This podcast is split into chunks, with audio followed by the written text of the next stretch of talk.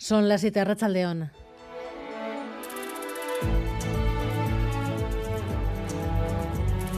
Gambara con Arancha García. Sonia Díaz de Corcuera, directora de tráfico del Gobierno Vasco, León.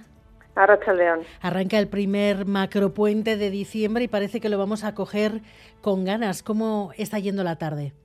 Bueno, la tarde ha venido cargada de, incidencias en la red diaria vasca, según nos acaban de comentar en nuestro centro de gestión de tráfico de Euskadi. Se han registrado averías, se han registrado accidentes, afortunadamente de carácter leve, pero que han obligado en ocasiones a cortar eh, carriles y además a esto hay que añadirle la gran afluencia de vehículos que se está registrando y como consecuencia de ello, bueno, pues se han originado eh, retenciones. Por ejemplo, las retenciones habituales hemos tenido en la carretera de la avanzada sentido Sopela desde las 3 de la tarde aproximadamente hasta, hasta las 4 de la tarde en La Muga, en La Muga, sentido Francia, desde las 5 de la tarde hasta hace apenas unos minutos, tráfico lento. Hemos tenido retenciones de 1 o 2 kilómetros por afluencia de vehículos, en este caso por afluencia de camiones que circulan por ese carril eh, derecho en la P8 en La Muga, pero bueno, estas retenciones, como digo, bueno, pues ya se han deshecho. La Archancha ha estado regulando este tráfico en la rotonda de Zaisa, como viene siendo habitual, bueno, pues para evitar que se colapse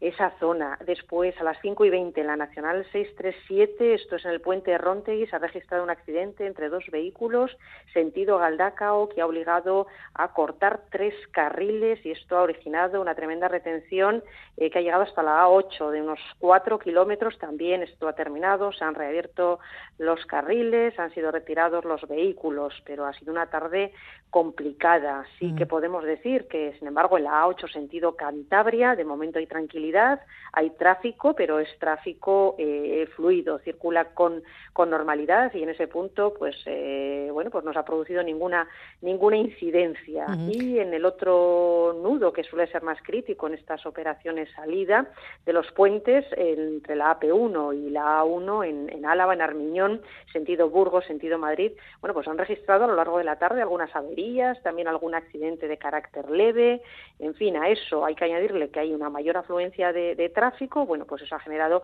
algún problema, alguna, alguna retención, pero hay que decir que de carácter leve, sin, sin tanta importancia como suelen ser en operaciones salida. Entonces podemos decir que ha sido una tarde, eh, bueno, movida, con eh, muchos incidentes en la red viaria vasca que afortunadamente, bueno, se han ido deshaciendo y en cuanto a la mentalidad, bueno, pues la que se ha registrado, pues ha sido eh, Señora Díaz de Corcuera, ¿cuántos desplazamientos esperan de aquí al domingo de la semana que viene? ¿Cuáles van a ser los días más difíciles? Sí, los días más difíciles, bueno, pues en operación salida y en este puente que tiene por delante 10 días para todas aquellas personas que puedan eh, disfrutarlo, bueno, pues los días suelen ser más complicados, bueno, pues en este caso hoy viernes, mañana sábado por la mañana, pues se prevé eh, afluencia de tráfico y después veremos también en retorno como el domingo, el domingo día 11, bueno, pues es previsible también, bueno, pues que todos esos vehículos que se hayan desplazado, digamos, eh, en estas mini vacaciones buscando algún destino vacacional, pues pueda eh, puede ir volviendo el domingo de manera más escalonada. Veremos a ver porque el tiempo también se nos complica, el tiempo eh, meteorológico y, bueno, pues hay, hay, que, hay que ver cómo se, cómo se cumple esta previsión de afluencia de vehículos en función de la climatología. ¿eh? puede aparecer la nieve, el hielo, ¿van a estar especialmente alerta en algunas zonas? Eh, sí, eso es correcto. Según Euskalmet, Euskalmet ha lanzado un aviso amarillo por nieve en cota 700 eh, metros, pero sí que es verdad que con poca precipitación. Es decir, eh, bueno, se puede ver algo de nieve quizás en, los puertos, en el puerto de, de Barázar, quizá en, Opacua, quizá en el puerto de Altuve, algo de nieve en, en Urquiola, pero poca. Nos dicen desde Euskalmet que poca nieve porque va a haber poca precipitación eh, de ese carácter. No obstante, hay que estar atentos también a, zonas del este de Álava, a la zona de Rino, que nos conecta esa Nacional 1 hacia Echegárate. Bueno, vamos a ver porque esto de la meteorología es una, es una previsión y pueden, eh, observarse, observarse cambios. Entonces conviene a todas aquellas personas que vayan a salir de viaje, eh, hay que lanzarles el mensaje de que estén informados permanentemente porque en circunstancias de meteorología adversa, bueno, pues conviene si cabe extremar aún más las precauciones al volante. Pero es lo que toca, estamos en, en diciembre y lo que toca es frío, lo que toca es nieve, lo que toca es lluvia y lo que toca es conducir extremando todas las precauciones eh, para evitar bueno pues eh, situaciones de riesgo evitar accidentes y sobre todo conseguir que bueno si nos vamos de vacaciones podamos eh, volver sanos y salvos a casa. Sonia Díaz de Corcuera muchísimas gracias por estar en Gambaras que ricasco Así están las cosas. Habrá que tener cuidado en carretera porque viene mal tiempo, va a haber mucho tráfico. El año pasado este puente se saldó con tres heridos graves. Estamos ante diez días de puente, de macropuente y se esperan muchos desplazamientos por carretera. Pero nos vamos ya al aeropuerto de Loyu porque también allí hay bastante movimiento a estas horas. Gary Suárez, Arracha León. A Racha León, desde hoy hasta el día 11 en Loyu, en el aeropuerto de Loyu, donde estamos, esperan 1.098 operaciones entre entradas y salidas. El día que más operaciones habrá será el domingo que viene con 125 y hoy serán 122. En esta época del año los viajes de ocio se multiplican y se han organizado vuelos charter a destinos turísticos como Estambul, Pisa, Praga o Laponia y la gente abraza estos viajes con muchas ganas de desconectar. Lo escuchamos. Pues nos vamos a Barcelona de turismeo, a salir un poco de fiesta y pues a ver de turismo, a ver Barcelona. Un tiempo no, no sé si va a ser bueno, pero si hiciese ir, pues ir a ver la playa, porque al final como estás en la costa, no sé, salir un poco de fiesta, conocer gente, conocer la cultura de allí. Me voy pues por un concierto que vi que venían y me gustan mucho y dije, no me lo puedo perder. Y eh, son dos grupos de metal, de, black metal, eh, uno MGLA y otro Ultrate. Son así pequeñitos, pero están guay, muy guay. Ahorita voy a Madrid, voy a visitar a unos amigos y a unos familiares, retorno mañana a Bilbao y el domingo retorno a Venezuela, que es mi país de origen con algunos retrasos, como por ejemplo en el trayecto a Barcelona, los vuelos van saliendo, los próximos en partir, destino Múnich, Sevilla, Málaga y Oporto.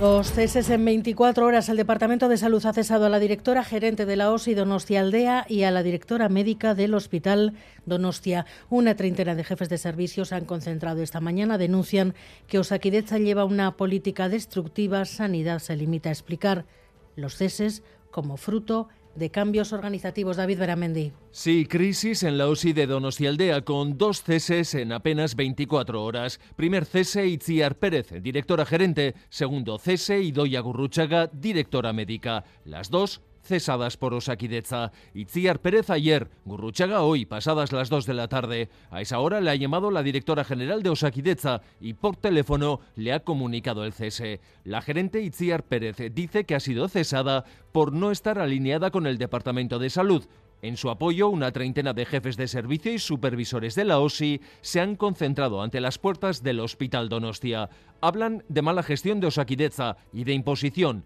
en urgencias, en recursos humanos, también en oncológico. Los sindicatos se han concentrado también esta tarde en Basurto contra los planes del departamento, de momento paralizados por un juez, de trasladar la cirugía cardíaca a Cruces. Y Euskadi cierra noviembre con 3.600 afiliados a la Seguridad Social, lo que sitúa el total por primera vez en la historia por encima de los 990.000. Se sigue creando empleo y el paro registrado en Lambide cae a su nivel más bajo desde 2009. Ido Mendía, Vicelendacari. Que noviembre suele ser un mes irregular en el empleo. Sin embargo, en esta ocasión ha vuelto a bajar el paro. En todos los territorios, en todos los sectores, en todas las franjas de edad y entre los hombres, pero muy especialmente entre las mujeres. Es la cifra de paro registrado más baja desde el mes de enero del año 2009. Pero además ha subido la afiliación. Y el Gobierno publicará en Internet las cuotas que pueden cobrar, que podrán cobrar las concertadas una vez que esté en vigor la nueva ley de educación y previa autorización del departamento. Se autorizarán únicamente aquellas que correspondan a servicios no obligatorios. Lo ha confirmado hoy en el Parlamento el Lendakari.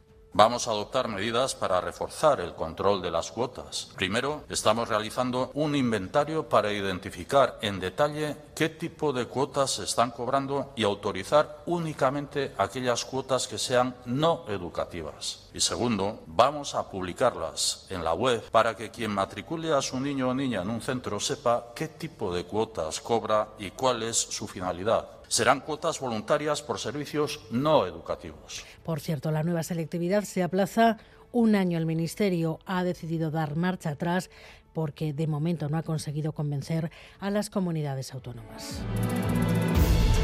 Y la Unión Europea ha fijado al fin el tope al petróleo ruso, lo deja en 60 dólares por barril. Bruselas, Amaya, Portugal. Los 27 han llegado a un acuerdo para fijar en 60 dólares el tope al precio del barril ruso que cruza por mar por la Unión Europea. Un tope más ambicioso que el planteado por el G7, que lo quería entre los 65 y los 70 dólares, pero bastante por encima de lo que se está pagando en este momento. Las negociaciones han sido duras porque Polonia y los estados bálticos querían dejar el tope a la mitad de lo que han acordado finalmente en 30 dólares. A cambio han incorporado una variable según la cual el barril ruso que entre en la Unión Europea deberá tener un precio al menos un 5% menor que el del mercado en todo momento. Tras el acuerdo entre los embajadores se espera una adopción formal para el domingo y es que el lunes entra en vigor el embargo al petróleo ruso que ya se acordó hace meses entre los 27. Por eso, este tope no afecta a la compra del crudo en la Unión Europea, sino que involucra a terceros países que importan un petróleo ruso que cruza aguas europeas y que transportan las navieras europeas. Nueve meses de guerra comienza el invierno. El Kremlin defiende su estrategia de bombardear infraestructuras energéticas en Ucrania y el gobierno de Kiev denuncia una campaña contra sus embajadas en Europa. Muchas han recibido hoy cartas con restos de animales. También la de Madrid, justo tras la oleada de cartas con pólvora Nerea Sarriegui.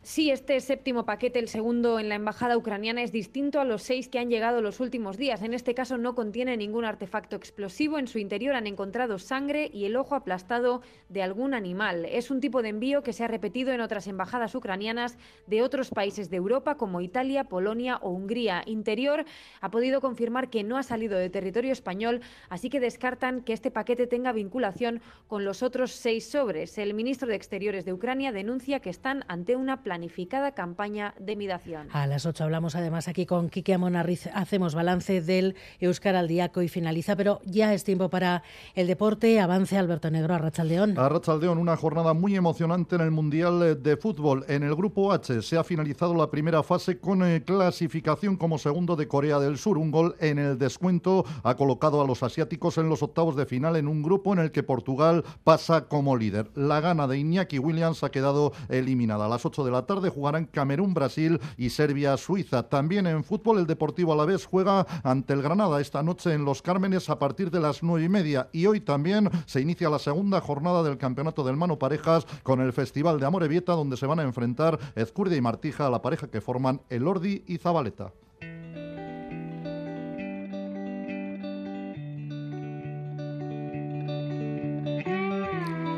ITV Maratoya entra en su recta final y decisiva. Ya saben que la esclerosis múltiple es nuestra causa. Este año acercar la enfermedad a la sociedad y recaudar dinero para la investigación.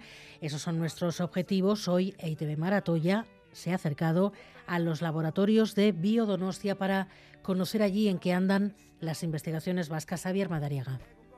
EITB Marato ya entra en su recta final con dos fechas señaladas en el calendario. El 11 de diciembre en Gasteiz, ducha multitudinaria para mojarse por la esclerosis múltiple y el 15 de diciembre, centralitas abiertas para recibir vuestras aportaciones. Mientras llegan esas dos fechas, EITB Marato ya sigue acercándonos la esclerosis múltiple, hoy desde Biodonostia, donde en colaboración con BioAraba y Biocruces se investiga mucho y muy bien en torno a esta enfermedad que no tiene cura y cuyo origen se desconoce. La investigación no es teoría, la investigación es resultados.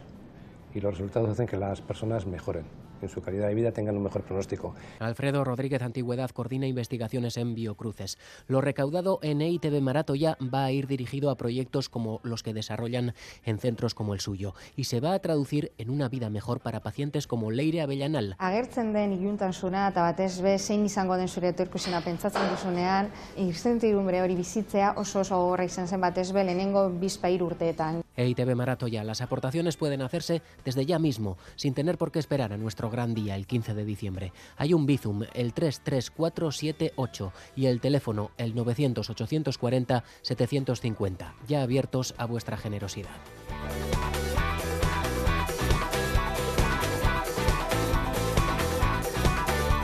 Miguel Ortiz y Alberto Zubel ya están en la dirección técnica, Cristina Vázquez en la producción.